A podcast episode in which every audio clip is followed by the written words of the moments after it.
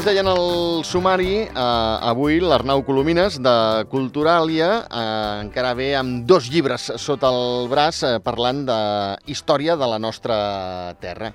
Dic encara perquè seria com el segon capítol, eh, perquè el primer n'havia de fer cinc, però aquí el eh, espavilat del Xavi doncs no li va donar suficientment temps. Amb la qual eh, Arnau, bona tarda, benvingut. Bona tarda. Recuperem. Eh? Ets una mica mentider, perquè no vinc amb dos llibres, vinc amb, uns, amb tres papers que he portat a casa. els llibres he pensat que no valia la pena portar-los, perquè si te'ls volies mirar, doncs agafes Google i... I és més fàcil, no?, fins i tot. Foto. Uh, I no cal que vagi Vens amb dos papers, però, però vens amb el caparró que t'has llegit tant un com l'altre, amb la qual... Sí, mm, i, i un he, he de dir que, que fa bastants anys que me'l vaig llegir, però bueno, Uh, farem el que podem a l'hora d'explicar-ho, perquè sí que ho tinc bastant fresc. Uh, recorda que aquesta secció a mi m'agrada dir-li històries en papito. Sí, senyor. Eh? Uh, que per qui no ens va sentir la setmana passada, doncs el papitus com l'Albert Sánchez Pinyol, uh, l'escriptor conegudíssim, doncs li diu uh, les estructures narratives uh, de la història. Vale? Uh -huh. Llavors, per ell... Que de fet ha tret un llibre, eh, que es diu així, Les sí, estructures sí, sí. elementals de la narrativa. Eh? Ah, exacte. Molt bé. Llavors, eh, per ell, què són històries que tenen Papito? Doncs que compleixen aquesta estructura elemental de la narrativa que ell ha estudiat, que és una estructura que el que fa és que el lector s'enganxi en aquell llibre, Molt bé. bàsicament. Vale? Per tant, històries en Papito vol dir llibres que enganxen. Que enganxen. Vale? Molt bé. Uh, ja saps que hi ha llibres molt bons però que no enganxen. Sí, és veritat. Això també, també pot així, passar. No? Llibres que han passat a la història com a molt bons o escriptors que, bueno, que se'ls fa unes reverències al·lucinants però que realment els seus llibres no enganxen. Aquí venim a parlar de llibres que enganxen. Molt bé. Poden tenir més o menys qualitat literària, uh -huh. m'és igual, però enganxen. Però enganxen, molt vale? bé. Això una miqueta és com el cinema.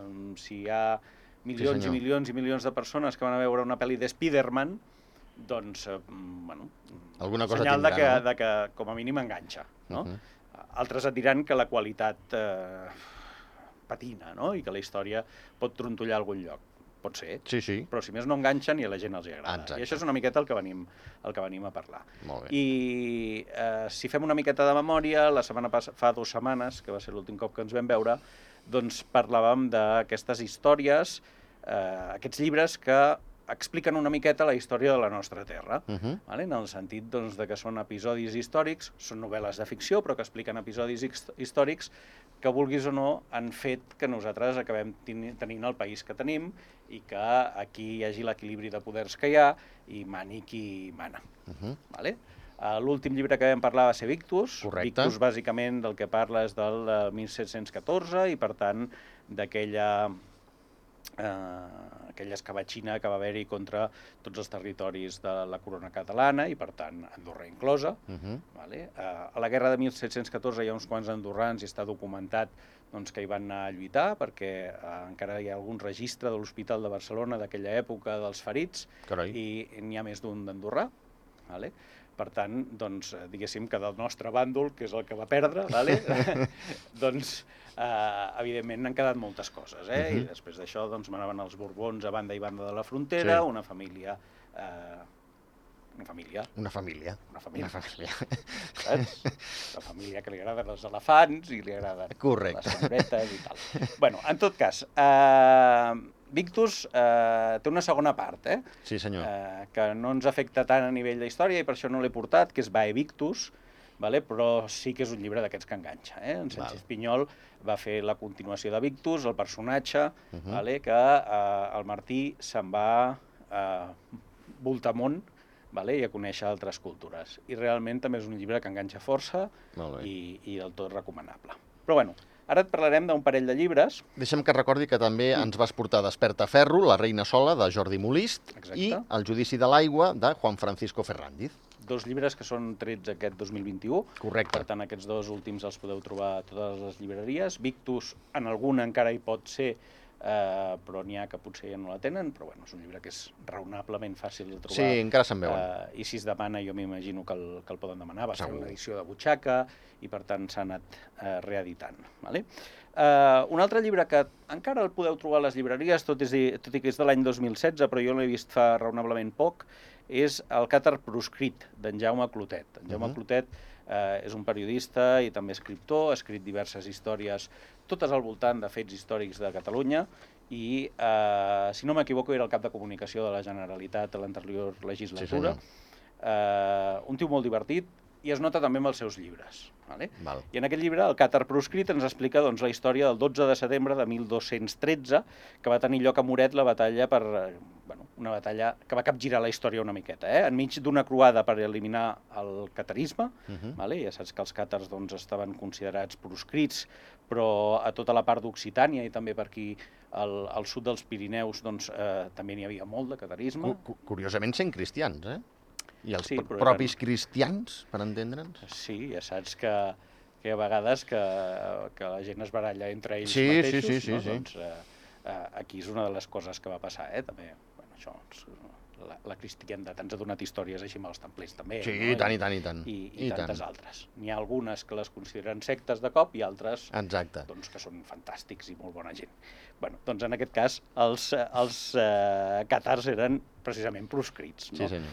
I el que explica doncs, és aquesta batalla eh, on eh, Simó de Montfort va derrotar per sorpresa el rei Pere el Catòlic. Eh? Pere el Catòlic, que era el pare de Jaume I el Conqueridor. Val. Paradoxalment, Jaume I el Conqueridor eh, estava en mans del seu enemic acèrrim. Una cosa molt rara que es feia a l'edat mitjana, que és que per no barallar-te amb algú, tu li donaves al teu fill i que te'l custodiés. Ah, Vale? molt bé, així, no? O, o la teva filla, o, Sí. o la teva mare, o la teva tieta. Eh? Això, Ah. això passava. Eh, en aquella època, cosa curiosa.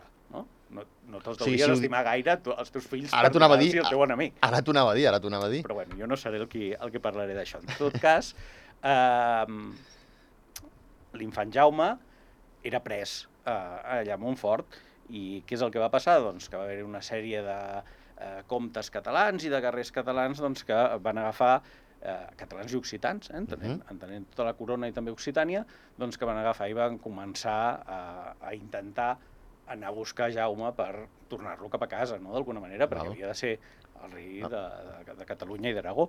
Per tant, doncs, una miqueta la història eh, ens explica les aventures i desventures d'un d'aquests eh, guerrers que va anar cap allà a intentar salvar a Jaume I. Val. Vale?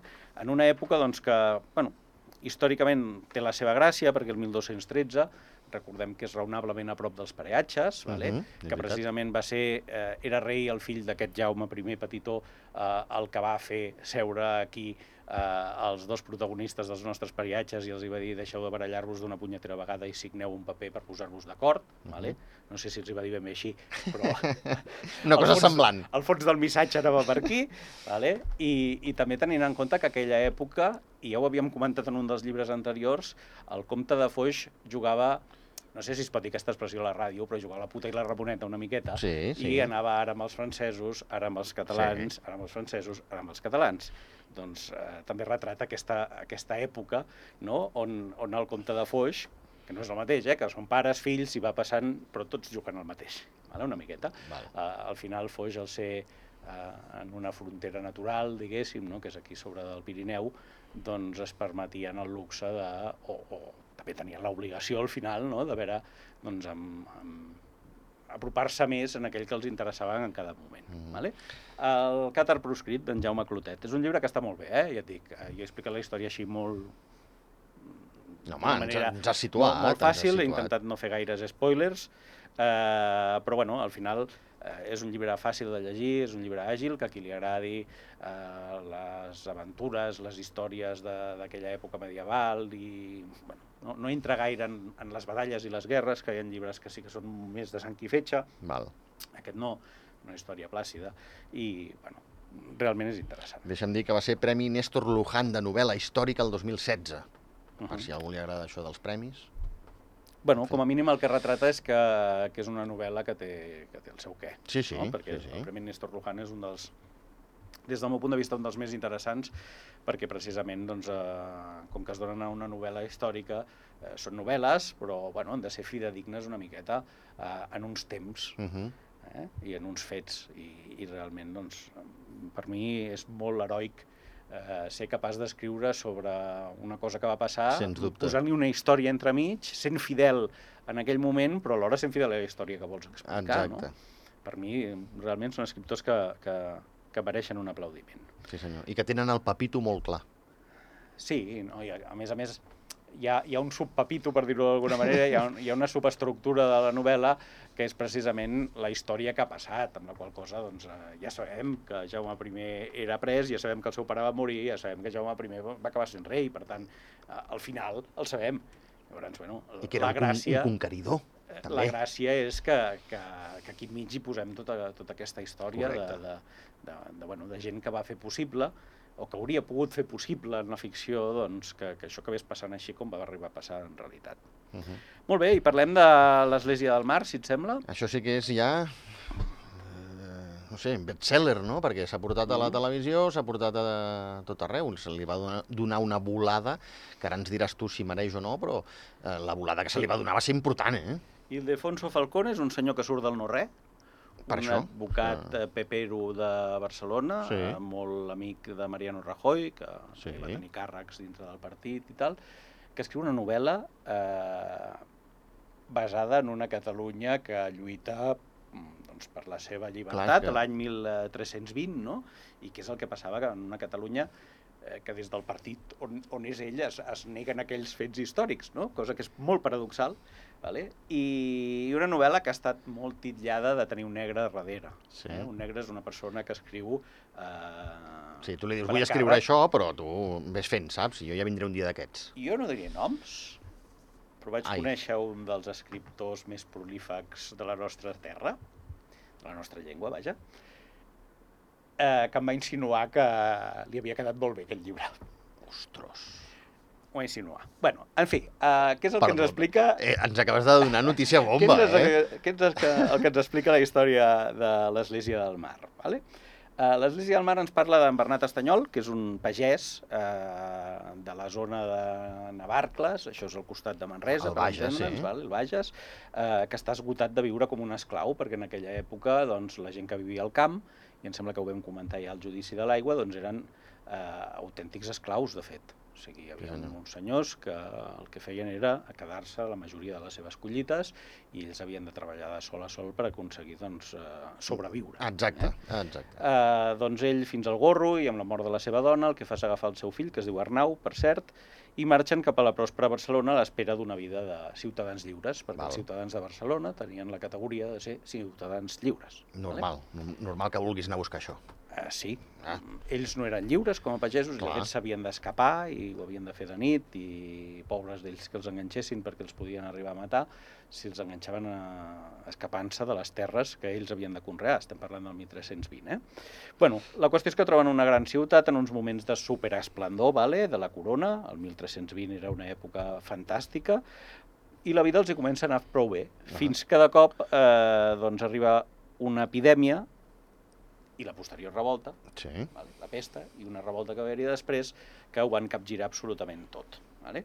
El Bernat mor i mor amb una trifulca, em sembla recordar, eh, precisament per aconseguir aliments en un mercat. Eh, bueno, el, el pare acaba morint i l'Arnau, que era un xavalet ben jovenet, doncs comença a treballar de bastaix. Bastaix són els nanos que carregaven... L'Obèlix, L'Obèlix. per entendre'ns. Vale? Els nanos que carregaven, o nanos o homes que carregaven les pedres des de dalt de Collserola, eh, que hi havia una pedrera, i les anaven baixant cap a Barcelona, que llavors, ara, ara amb el cotxe ets en un moment, Abans no. però abans... I menys eh, carregat. Abans no, i Com men anaven? menys carregat amb una pedra, no?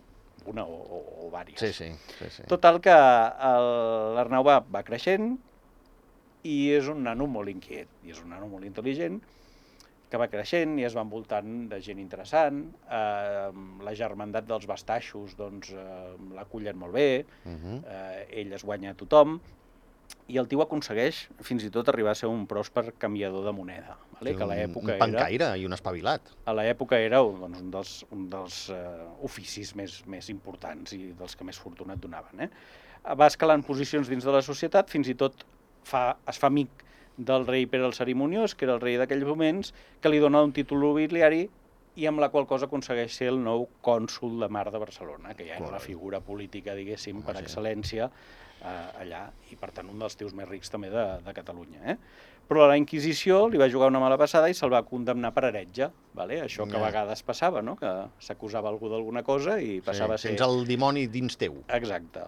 com dirien Tomeu Penya. Uh, total, que les aventures uh, de l'Arnau Estanyol retraten molt bé aquella societat de l'època, eh? com vivien els pagesos, com es vivia Barcelona d'una manera completament diferent, molt més pròspera, però alhora um, com ara, no? Mm. molt més estressant i, i que tot va molt més ràpid i que um, és un ambient tan diferent sí, a pagès la cosa de va viure més. pagès que, Sí. bueno, pagès va com va. Va com va, I tranquil. les, les grans diferències aquestes entre el ciutadà de camp i el ciutadà de, de ciutat. Però que el de ciutat, almenys, també treballa de valent, però el de ciutat pot prosperar, en canvi el de camp, per molt que treballi, prosperar, eh, no prosperarà. Vale? Eh, se n'ha fet una sèrie, diria que a Netflix, està penjada, vale? eh, se'n va fer... O sigui, ell crec que va escriure que l'edició va ser, la primera edició va ser en castellà, llavors la van passar al català, en castellà es diu la Catedral del Mar, cosa Sí. que no entenc, perquè allò no és una catedral, Santa Correcte. Maria del Mar és, és església, perquè la catedral és més amunt, però bueno, en tot cas, eh, un llibre que va ser l'inici de la carrera de l'Ildefonso Falcones, que ha anat publicant coses que, Mhm. bueno, que se n'ha anat venent molt bé. Però, com deies abans, eh, realment va ser un bestseller al·lucinant. Bestial, bestial. Eh, i, I va ser un dels llibres, o el llibre més vengut del 2006, però el 2007 o 2008 es va seguir venint molt, eh, i és un llibre que, tot i que fa ja 15 anys que es va publicar, eh, te'l pots llegir avui dia sense, Sense cap mena notar que ha passat problema. el temps i amb un bon papito. Amb un bon papito, és veritat, sí senyor.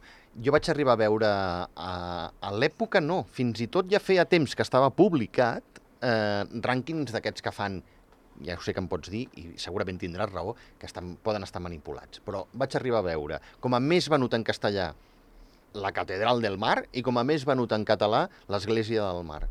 I deies, "Mm, aquest s'ho està menjant tot. És probable, i també, bueno, s'ha de tenir en compte que, la, que les estratègies del món editorial són al·lucinants. O sigui, si algú realment li agrada el màrqueting, el màrqueting dins del món editorial és, és fabulós, eh, en aquest sentit, perquè realment el que s'arriba a fer per intentar vendre més o, vendre, o, o que es vengui menys la teva competència, per intentar que les llibreries et col·loquin aquell llibre, eh, és al·lucinant. Eh?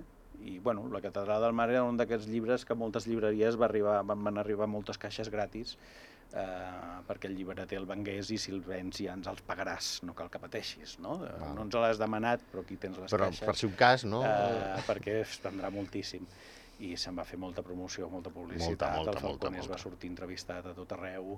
Eh, bueno, eh, va, com a mínim és una bona història, això segur, amb una molt bona estratègia comercial al darrere, això també.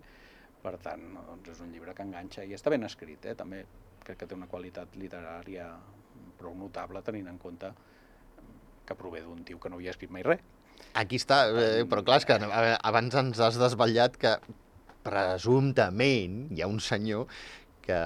No, presumptament no. Hi ha un senyor que a mi em va dir Directament, sense el presumpte. Em va insinuar, això no és presumpte, perquè m'ho va, va insinuar a mi, no? Però, però sí, sí, o sigui, això no sé si és el cas del Falcones, mm, ho desconec, vale? a mi m'han insinuat això, però pot ser veritat o no. Sí, sí. sí, sí. Uh, però sí que és el cas de, de reconeguts escriptors tant, que i resulta tant, que no i són tant. tan reconeguts. I No? tant. I després hi ha altres coses que passen a la carrera de les persones, com gent que és capaç d'escriure un molt bon llibre i després no escriure res més bon tota la seva vida Sí, i que senyor. trobes noms consagrats que et fan autèntiques porqueries que dius com pot ser que aquella persona que en el seu dia va fer allò tan ben fet Uh -huh. doncs ara publiqui aquestes coses que són il·legibles, no? Això també passa. I al final eh, hi ha jugadors de futbol que fan un fantàstic partit, passen a valer milions de cop i després eh, A dormir. i després per anar a fitxar pel Barça. Saps? Això, això passa, això ens està passant, ens està passant sovint. Però bueno, al final són, són, són peculiaritats de l'art d'escriure que, que, que és eh, una cosa molt difícil de fer. Uh -huh. Uh, si escriure ja és difícil escriure ja, i ser capaç d'enganxar també ho és, i per molts cursets que es facin, per molts uh, gurus que hi hagin, al final s'ha de néixer amb cert talent i després hi ha la part aquella de casualitat que funciona amb tot? Correcte. que no saps mai Correcte. si funcionarà Sí, o no sí, fins sí. al moment que És es veritat. llença i a vegades que una cosa que no hi apostaries funciona i una altra que sí que hi apostaries doncs no tant, no? I també tens el carisma de l'escriptor. Eh? O sigui, si és algú que, que es deixa estimar per la premsa i que, que té Eh. cert ganxo per després fer de tertulià i etc etc, doncs eh, pot arribar a vendre molt simplement per, per la seva cara bonica. No? M'ha agradat molt el que has dit, Arnau, perquè és molt important, perquè a vegades sembla que eh, parles amb algú de, de, de llibres, de lectures, i, i sembla que mm, t'hagis d'amagada que no t'ha agradat el segon o tercer llibre d'aquell que va vendre tant el primer. Perquè com que és com ja... Saps? És... No, no, aquest sí. és intocable, no? Aquest és, és, és molt bo, eh? Bueno, va ser molt bo el primer, però... però... O, o, o ni això, com que tot va a gustos, a mi Kafka no m'agrada. I sembla que si ho diguis, doncs estiguis cometent un crim. És veritat, Doncs- és veritat. No m'agrada. Sí, sí, no, no, és, és molt És més, feixuc. Dostoy- Dostoyevsky no me l'he llegit mai i em fa mandra. Bueno, no, no crec que passi res, no? O sigui, al final eh, tots són gustos. Sí, sí, home, sí, i tant. Crec que la majoria de la gent, precisament pel que llegeix, és per, per eh, el seu espai d'oci, omplir-lo d'alguna manera. Passar bé doncs, no l'estona, sigui- carai. que no sigui feixuga i passar, passar una bona estona. Per tant, hi ha certs productes, com aquests que venim a explicar, bueno, que eh, potser Dostoyevsky escrivia millor eh, que Falcones, no en tinc gaires dubtes. Però, en tot cas, eh, avui, a dia d'avui, segle XXI, doncs, eh, Falcones ven més llibres, Mhm. no? I si els ven per, alguna cosa, deu ser, també. Sí, sí, sí, sí. Però que està molt bé la reflexió que, que has fet. Perquè, insisteixo, hi ha molta gent que dona per fet de... Poder, si m'apures, eh... bueno, no diré sense haver-se'l llegit, va, havent-se'l llegit, li dona aquella, aquell rebombori, aquella segona o tercera obra d'aquell- d'aquella persona que va escriure aquell primer llibre, que, que sí, que és boníssim. Per això, eh? per, pel record del primer i perquè sembla que no puguis parlar malament després d'allò que va fer.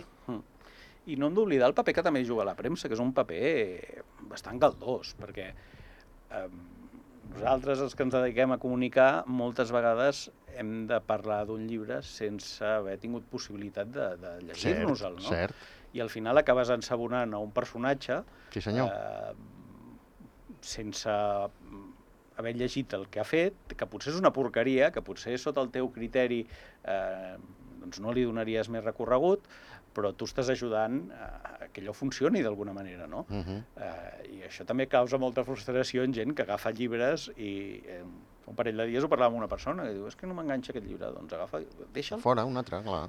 La vida és massa curta per llegir coses que no t'agraden, o per Això- mirar a- pel·lícules que no t'agraden. Aquesta és una altra de les Canvia vergonyes, de- Arnau. Canvia de llibre, no passa res.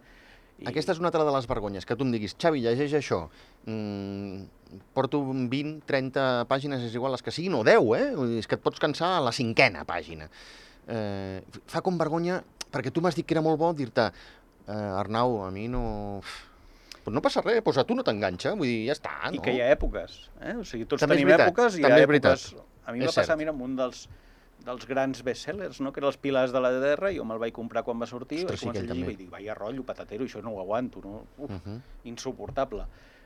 Van passar 7 o 8 anys, el vaig agafar i amb, I et va entrar bé. amb dos dies em vaig fulminar les mil i pico pàgines d'aquest llibre i em va encantar, no? Eh, soc la mateixa persona en un moment diferent i allò és el mateix llibre, És també en veritat. un moment diferent, no? Però el llibre sí que no ha canviat, però jo sí. És veritat. Llavors, bueno, a vegades tens més mal de caps a la feina o a casa o estàs en una situació de que hi ha certes coses que t'entren i certes que no, no? Sí, senyor. Jo, jo sóc dels que tinc clar que si, si estic nerviós i si, bueno, si, si passo un moment que no és òptim, novel·la policíaca. Eh, I sé que Aquesta... em treu les cabòries. N'has de portar, eh? i- Que a mi m'agrada molt aquesta, veus? Doncs mira, si et sembla, podríem fer d'aquí un parell de setmanes, que és la propera secció que tenim, algunes sèries de novel·la policíaca. Vinga, va. Novel·la negra, per dir-ho Vinga, va, t'ho compro, t'ho Sí? compro, t'ho compro. Va, doncs ho preparem i ho portem d'aquí 15 dies. Val. He de portar alguna cosa especial o Una pistola. la portarem, doncs. Arnau Colomines, de Culturalia, moltíssimes gràcies. Gràcies a tu, que Xavi. Adéu-siau. thank you